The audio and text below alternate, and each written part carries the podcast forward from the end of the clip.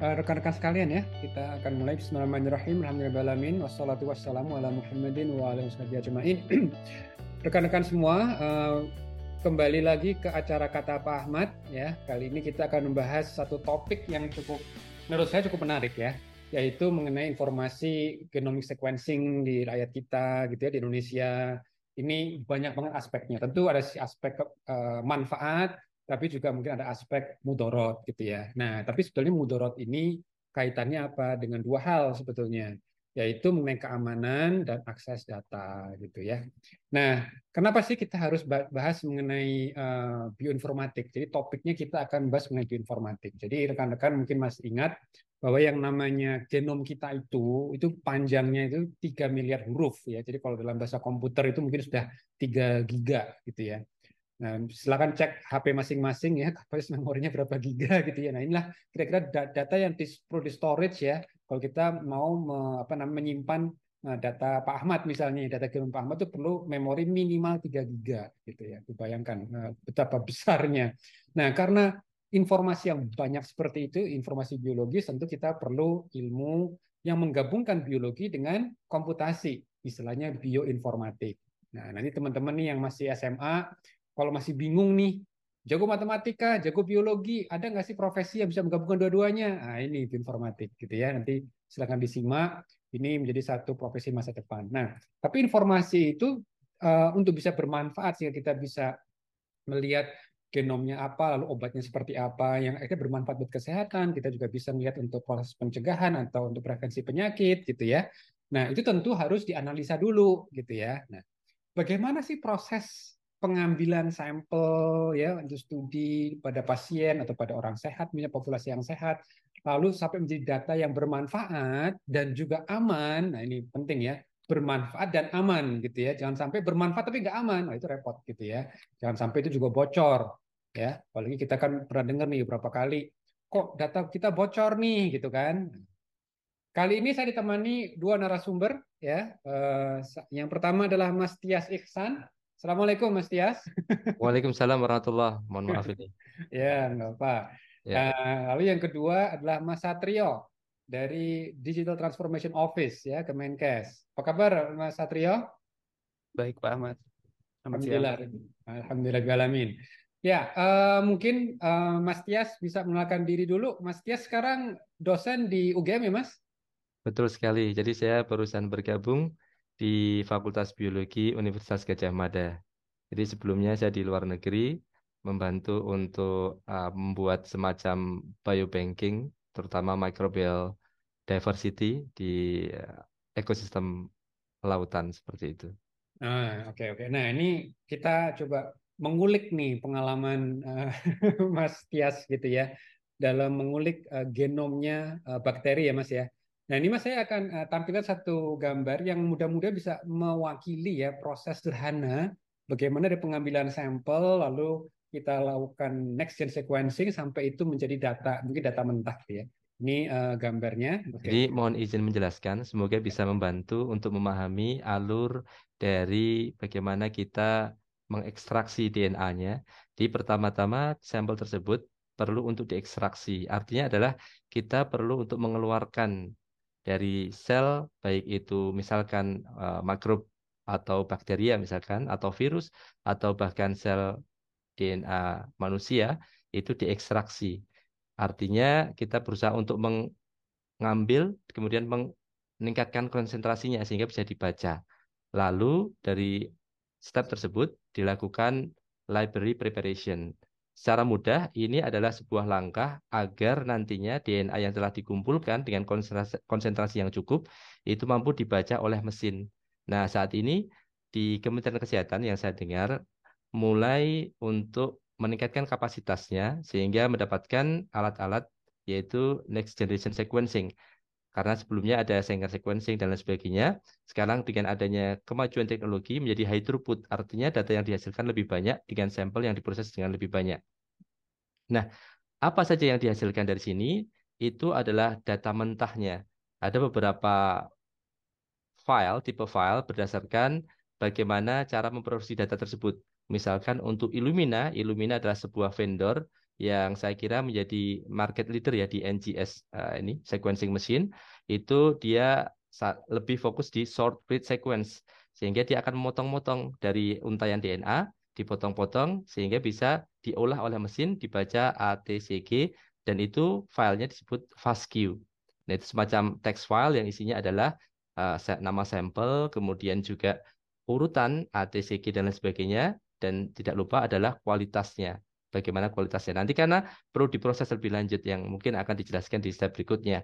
Nah, intinya adalah bahwa sampel tersebut tadinya dari sampel uh, biasa, kemudian DNA, lalu dibaca, itu harapannya menjadi sebuah insight karena data tersebut perlu diolah lebih lanjut untuk menjadi sebuah hal yang bisa ditafsirkan baik secara biologis maupun secara uh, kedokteran. Saya kira itu Pak Ahmad. Kalau dulu Mas Tias mengumpulkan data bakteri ya Mas ya, itu Betul. Eh, nanya ke bakterinya nggak inform konsennya? Ya, itu perbedaannya ada di situ bahwa ah, okay. ada semacam ada dua hal ya. Pertama adalah inform consent dan juga ethical uh, clearance ya. Karena di bidang saya sebelumnya itu hanya mungkin semacam proposal saja disetujui oleh sebuah komite. Tapi kalau ini adalah data manusia, ada satu hal yang penting yaitu inform consent. Nah, ini adalah satu hal yang saya kira sudah masuk dalam sebuah program di eh, apa di Kementerian Kesehatan bahwa setiap data yang nantinya akan dianalisis sudah mendapatkan informed consent dari pemilik dari data tersebut atau pemilik sampel. Saya kira itu Pak Ahmad. Hmm dan itu nanti datanya harusnya aman ya. Nah, yeah. Nanti kita akan uh, dengarkan nanti dari uh, Mas Satrion yang mengenai keamanan data. Baik, uh, mungkin kita akan lanjutkan dulu. Jadi dari data apa namanya data mentahnya tadi itu tentu kan nggak bisa ujuk-ujuk ya Mas ya untuk bisa bermanfaat gitu ya. Coba kita lihat di gambar berikut ini Mas. Baik, ini sebenarnya secara umum ada tiga langkah seperti kebutuhan kita ya kebutuhan primer, kebutuhan sekunder, dan kebutuhan tersier. Ya. Nah, di analisis bioinformatik untuk whole genome sequencing pun juga demikian. Primary itu artinya adalah bagaimana si mesin itu menerjemahkan dari signal. Jadi kalau di Illumina dia kan light signal ya, uh, pakai fluorescence. Sedangkan kalau di ONT itu ada semacam pattern dari tembakan ion itu pada misalkan nukleotida J atau ke T itu berbeda sehingga oh ini adalah A, ini T, ya itu dibaca. Namanya proses base calling, memanggil bahasanya. Apakah ini A, apakah itu T, apakah itu C atau G. Nah, kemudian kalau untuk coverage-nya itu biasanya yang digunakan eh, standarnya di internasional semacam Human Genome Project itu sekitar 30 sampai 33 kali coverage-nya. Artinya depth-nya, berapa kopinya. Kalau tadi satu sampel ada 3 3 billion nucleotide, artinya 3 giga kali 33. Jadi total dari output dari mesin itu sendiri sangat besar. Bayangkan, jadi kenapa bioinformatics dibutuhkan? Itu karena data yang sangat besar, yaitu 100 GB untuk raw datanya. Nah, raw data ini nantinya perlu diolah lagi. Yang pertama adalah cleaning, karena seperti yang kita tahu, setiap proses itu perlu adanya quality check. Nah, quality check itu dengan cara memotong atau istilahnya trimming bagian-bagian yang memiliki kualitas yang rendah sehingga ketika nanti diolah diassemble atau di-align seperti itu, itu memiliki kualitas yang bagus. Tidak ada lagi semacam kualitas rendah yang nantinya akan mempengaruhi dari assembly atau pengurutan tadi. Nah, ini fungsi dari secondary analysis. Bagaimana dari tadi urutan raw files menjadi varian. Seterusnya, kalau data itu sudah bersih, kemudian di-align, diurutkan semacam puzzle. Tentu saja kalau puzzle kan ada referensinya. Ini pun hmm. juga demikian. Hmm. Oleh karena itu kita menggunakan data dari uh, Human Genome Project itu adalah referensi internasional yang digunakan sebagai referensi bersama. Nah sayangnya seperti mungkin dijelaskan di pembicaraan sebelumnya dengan uh, Bu Ines, Dr. Ines, hmm. itu adalah referensinya adalah populasi Kaukas, Kaukasus ya. Jadi bukan orang Indonesia. Harapannya nanti semoga dengan ada Human Project di Indonesia itu menjadi referensi nasional seperti itu. Jadi selama ini itu menggunakan genomnya orang Barat ya berarti ya? Betul, betul sekali. Sebagai referensinya ya. Jadi Sebagai referensinya. Kan ada contoh gambarnya, nanti kita cocokin ke gambar itu gitu. Betul sekali. Jadi, Jadi itu alignment ya. Betul. Jadi alignment adalah bagaimana mengurutkan sesuai dengan referensinya. Makanya okay. ada uh, warna yang yang seperti eh, lebih hit, lebih apa itu lebih gelap itu adalah referensinya bagaimana ini diurutkan sesuai dengan urutan tersebut. Mengapa tadi dibutuhkan 33 itu agar tidak ada atau meminimalisir gap seperti itu. Jadi kenapa ada kopinya biar potongan-potongan kecil itu nyusun itu tidak ada gap oh, lagi. 33 nah, kali ke atas ya gitu. 33 kali ke atas gitu. Ini namanya oh, depth okay. ya, depth-nya itu ke kedalamannya. Meskipun harus diakui bahkan dengan teknologi dengan canggih pun dari tahun 90 sampai tahun 2003 itu sebenarnya ya namanya complete human genome project itu sebenarnya baru 95 persen. Hmm. Karena ada di bagian telomer yang ada namanya, namanya repeated region itu yang susah untuk dibaca. Nah, baru tahun ini dengan menerapkan ada kombinasi short read dan long read, jadi digabungkan dua approach itu menjadi almost 100% gitu untuk tadi repeated region. Itu menariknya bioinformatics. Itu bisa dicapai tadi pengurutannya tidak bisa dengan manual itu ataupun di dengan Excel tidak bisa. Harus ada algoritma-algoritma dengan perhitungan uh, applied math yang tepat itu sehingga nanti eh, apa yang keluar itu menjadi representatif benar itu ada urutan yang sesuai seperti itu. Nah, oh. Nah, langkah terakhir dari secondary adalah varian calling karena varian ini artinya membandingkan dari referensi dan juga sampel tersebut apa apakah ada beda di suatu kromosom di suatu letak posisi tertentu misalkan yang tadinya uh, T itu ternyata sampelnya adalah C. Nah, itu berarti adalah variasi. Nah, variasi ini pun juga berbeda. Ada variasi nanti somatik, ada variasi germline. Germline artinya dia diturunkan itu kan. Kemudian somatik itu artinya sesuatu hal yang tidak diturunkan. Untuk ini biasanya cancer nih bidangnya Pak Ahmad itu. Nah, okay. secondary pun untuk varian calling pun sebenarnya tidak tidak eh, selesai seperti itu saja. Nah, ini biasanya butuh uh, analisis berikutnya yang namanya analisis tersier. Nah, harapannya dengan analisis tersier ini bisa membawa data kemudian menjadi informasi, lalu menjadi insight, lalu wisdom seperti itu. Nah, contohnya seperti anotasi. Anotasi adalah bagaimana menghubungkan antara data urutan tersebut dengan sebuah database. Misalkan database protein, database uh, apa itu uh, trans sudah transkripsi maupun database-database lainnya. Atau ingin melihat kekerabatan, itu bisa dengan phylogenetic tree itu berbagai macam tersiari yang nantinya mungkin bisa dibahas lebih lanjut. Tapi Secara umum ada tiga langkah tersebut. Harapannya by the end of, at the end of the day, setelah tertiary itu bisa membuat peneliti maupun klinisi itu mendapatkan informasi yang lebih untuk mendukung keputusan klinisnya untuk hmm. pengobatan maupun yang lainnya. Itu. Oke. Nah ini teman-teman ya ingat nanti ada kuis setelah ini kayaknya. Jadi ada tiga tahap dalam bioinformatik dari primary, secondary sampai tertiary ya. Jadi kalau dari primary dari raw data tadi itu di clean up dulu, secondary kita align tadi ya dengan referensi, dan sayangnya mereferensi masih DNA-nya orang bule nih gitu ya. Nah, tapi nanti yang mungkin untuk betul-betul untuk user nih, user akhir, nah, baik mungkin klinisi atau bahkan juga subjeknya. Ya kalau misalnya saya di WGS gitu ya, saya tuh pengen tahu kan gitu ini maknanya apa nih? Uh, saya saya dengan Mas Tias atau dengan Mas Satrio kan kita genom kita beda nih tiga genom yang berbeda. Pertanyaannya maknanya apa gitu. Jadi kalau kita lihat dari tertiary analisis yang ini itu ada saya yang kotakin tuh, yang saya kotakin uh, di mana ditulisnya ada yang disebut dengan genetic counseling. Nah ini satu hal yang uh, perlu teman-teman ketahui ya teman-teman podcast kata Pak Ahmad bahwa membaca data variasi genetik itu nggak sembarangan gitu ya. Kita harus tahu ini maknanya apa? Apakah kita bicara risiko penyakit? Apakah kita bicara uh, pilihan obat gitu? Makanya nanti ada yang namanya genetic counseling gitu ya. Jadi ini satu profesi yang sebetulnya sudah cukup lama di Indonesia, tapi tanda kutip belum ada di radar nih banyak orang gitu kan. Karena apa? Untuk bisa paham genetic counseling itu kita harus banyak memahami mengenai data statistik, data biologi, dan juga tentu data uh, mekanisme biologi molekuler dari uh, konsekuensi ya ketika ada perubahan variasi genetik tersebut.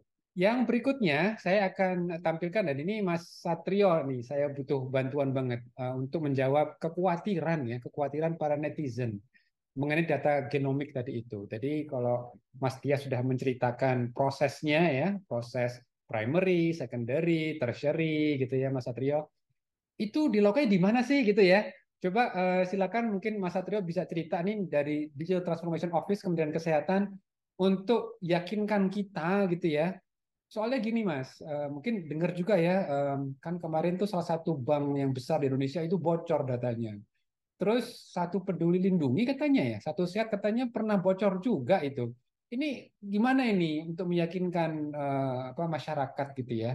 Karena saya juga nggak pengen kalau misalnya data genom saya terus ya, dipak diliatin orang gitu ya. nah, silakan Mas Satrio untuk menceritakan gimana nih prosesnya. Oke, baik. Uh, terima kasih Pak Ahmad. Jadi ingin sedikit menceritakan ya uh, bagaimana kami saat ini di Digital Transformation Office uh, Kemkes itu mendukung kegiatan program BGSI melalui sistem informasi salah satunya dengan uh, sistem bioinformatik. Nah, jadi uh, jelasnya seluruh penyimpanan, pengolahan dan juga analisis uh, dilakukan uh, di dalam negeri milik pemerintah uh, dan tidak ada data BGSI yang uh, keluar ke Indo keluar dari Indonesia dan uh, seluruh proses tadi mulai dari penyimpanan, pengolahan dan analisis itu dilakukan sesuai dengan uh, peraturan yang peraturan standar dari uh, BSSN. Jadi kami uh, tunduk dan patuh pada peraturan yang pemerintahan yang ada. BSSN itu apa itu singkatan apa itu? Uh, Badan Siber dan uh, Sandi Negara. Oh, oke. Okay. Ya, oke. Okay. Itu teman-teman ya, ingat-ingat tuh ada BGSI, ada BSSN. Ini banyak B di sini. Oke. Okay. Ya, Jadi program dari BGSI uh, eh, sejauh yang kami pahami itu uh, juga belajar dari program-program yang uh, sudah ada di berbagai dunia.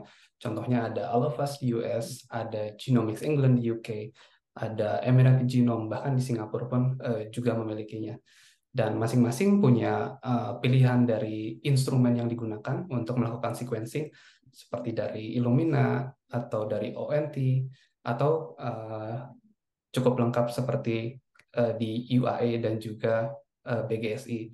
Dan di sini kita bisa lihat bahwa uh, ada negara-negara yang menggunakan uh, pihak ketiga untuk melakukan analisis, ada yang melakukan secara mandiri untuk proses analisisnya, dan untuk program BGSI saat ini kami terfokus untuk bisa menyediakan penyimpanan, pemrosesan, dan analisis uh, seluruhnya dilakukan secara lokal di Indonesia. Jadi tentunya sebagai bentuk uh, kemandirian dari uh, kita untuk bisa uh, memproses data genomik. Hmm. Jadi di sini kan ada beberapa kolom ya. Jadi yang kolom pertama adalah proyek-proyek di beberapa negara, jadi ya. Lalu mesinnya. Kalau mesinnya impor nih Mas Tiep kita belum bisa TKDN ya. Belum. Belum. Bisa punya sendiri nih. Versi Indonesia gitu ya. Uh, jadi ada tiga platform yang digunakan. Illumina uh, T7 T7 ini berarti dari Cina berarti ya. Betul ya? Betul dari MGI nah dan juga satu lagi ONT Promet Ion itu berarti dari Oxford Nanopore gitu ya Uh, jadi mungkin bisa yang baca long read itu ya. Kalau yang Illumina kan mungkin short read gitu ya. Betul. Tapi yang mungkin kita highlight di data processing infrastructure gitu ya, betul ya?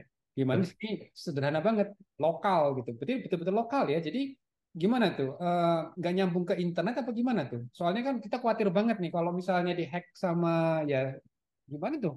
Gimana? Dari sisi alur datanya, praktiknya.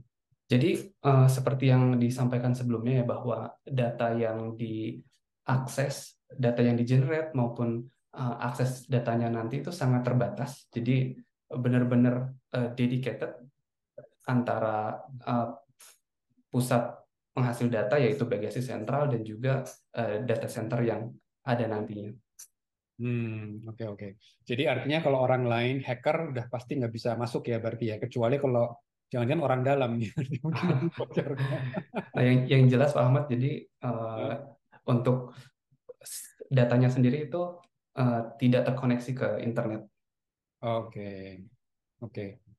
Ya itu itu penting banget ya. Jadi apa namanya jangan sampai itu uh, kita ini apa namanya uh, tahu-tahu dijual di Twitter gitu ya, apa di dark web gitu sekarang. ya baik. Oke, okay.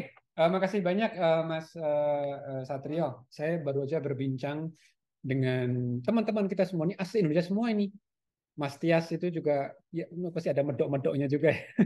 karena orang Jawa. Mas Satrio apalagi gitu ya. Inilah teman-teman yang yang bekerja ya, yang kita saling mendukung uh, untuk proyek uh, genom ini. Jadi uh, mudah-mudahan pesan utamanya tersampaikan bahwa apa yang kita analisa, apa yang kita uh, ambil sampelnya itu tentu dengan etika. Tadi Mas uh, Tias, betul ya Mas ya, harus dengan etika ya. kecuali kalau bakteri ya Mas. Tapi kalau bakteri misalnya gimana sih Mas yang mungkin kalau boleh dapat insight juga nih Mas ya. kan yang dilakukan Mas Tias waktu itu di Kaus ya di, di Saudi ya. ya? Ya, di, di Saudi. Saudi Arabia, King itu Abdullah University. Bagaimana sih Saudi um, apa namanya? Mereka khawatir nggak bahwa genom dari bakteri yang kuman mungkin ya, yang di Saudi itu siapa tahu bisa jadi senjata biologis misalnya gitu. Itu itu gimana pandangan dari ahli-ahli genom di Saudi? Ya, saya kira untuk dari titik satu ke titik yang lain itu cukup jauh ya. Jadi dari oh, okay. antara data yang tersedia dengan bioweapon itu, karena bioweapon itu memiliki syarat-syarat khusus ya, sehingga dia bisa menjadi senjata Hmm. Dan salah satu kekurangan dari microbial itu sendiri itu dia tidak bisa dikontrol ketika itu sudah dirilis ke ke misalkan ke target tertentu dan hmm. untuk menuju ke sana pun itu harus spesifik. Padahal kita tahu bahwa untuk mendesain suatu bioweapon ke target tertentu juga membutuhkan membutuhkan langkah-langkah yang sangat panjang seperti itu. Dan saya rasa uh, dengan adanya apa ya COVID itu sendiri itu bisa menunjukkan bahwasanya sesungguhnya yang ada konspirasi terkait dengan weaponize itu virus itu bisa ditangani sendiri oleh kalangan ilmuwan yang memiliki kemampuan yang bahkan lebih baik daripada orang yang berusaha untuk engineer tadi dengan cara mendesain eh, RNA based uh, apa vaksin dan lain sebagainya. Saya kira itu Pak Ahmad. Ya. Ya, makasih. Oke, baik. Um, Mas Tias uh, dan juga nanti uh, buat uh, Mas Satrio, silakan Mas Tias ada mungkin uh, apa, satu paragraf yang bisa disampaikan rekan-rekan uh, podcast kata Pak Ahmad apa nih kira-kira yang ya. ya silakan saya penutup. Ya, meskipun sebetulnya sebelumnya saya bekerja di oil and gas juga, tapi hmm. data itu is the new oil gitu. Jadi okay. orang yang sudah bisa memiliki data, mengolahnya dengan baik, dan juga merepresentasikannya dengan baik itu dapat mendapatkan keuntungan yang berlipat. Nah, sekarang terjadi banyak sekali ledakan data ya, data explosion dan bioinformatics ya, data biologis juga mengikuti tren yang sama data-data tersebut. Bahkan kalau mendengar dari ilmuwan Sairo itu, uploadan YouTube itu hanya 10 persennya dari data biologis yang tergenerate jadi oh. padahal YouTube itu kan banyak sekali videonya. Ya, Mungkin ya. ini video juga akan diupload di YouTube. Ya. YouTube. Tapi ya, makanya data tersebut itu butuh ada yang mengolahnya dan butuh orang-orang yang mau concern dengannya. Saya kira bioinformatics adalah satu field yang menjanjikan di masa depan karena sebelumnya ada chemical era, kemudian ada eh, apa itu quantum itu istilahnya physical era. Sekarang adalah biological era. Nah, bioinformatics saya kira menepati posisi yang penting ke depannya. Itu Pak Ahmad. Ya, makasih Mas Tias. Nah, ini Mas Satrio nih. Tadi Mas Tias kan baru aja mengatakan the new oil gitu kan. Siap gak nih DTO untuk mengawal? Usaha uh, menyimpan, mengolah dan menganalisis uh, seluruh data yang sifatnya sensitif seperti data genom itu secara uh, lokal uh, sesuai dengan peraturan undang-undang yang uh, berlaku untuk menjamin uh, kualitas dan keamanan data yang ada. Dan harapannya uh, seperti yang disampaikan Mas Tias tadi Eh, data-data uh, nanti itu bisa dimanfaatkan untuk uh, secara lokal ya hmm. untuk bisa menjadi mendorong inovasi ataupun uh, pengetahuan kita di Indonesia. Baik, terima kasih atas waktunya nih luar biasa siang-siang ya gitu ya untuk uh, bicara ngobrol bareng sama kata Pak Ahmad. Terima kasih Mas Tias dan juga terima kasih. Ya, sama-sama Pak Ahmad. Ya, mudah-mudahan bermanfaat buat rekan-rekan semua kita mungkin lanjutkan di kesempatan yang lain. Insya Allah. Baik, terima kasih. Assalamualaikum warahmatullahi wabarakatuh. Waalaikumsalam warahmatullahi wabarakatuh.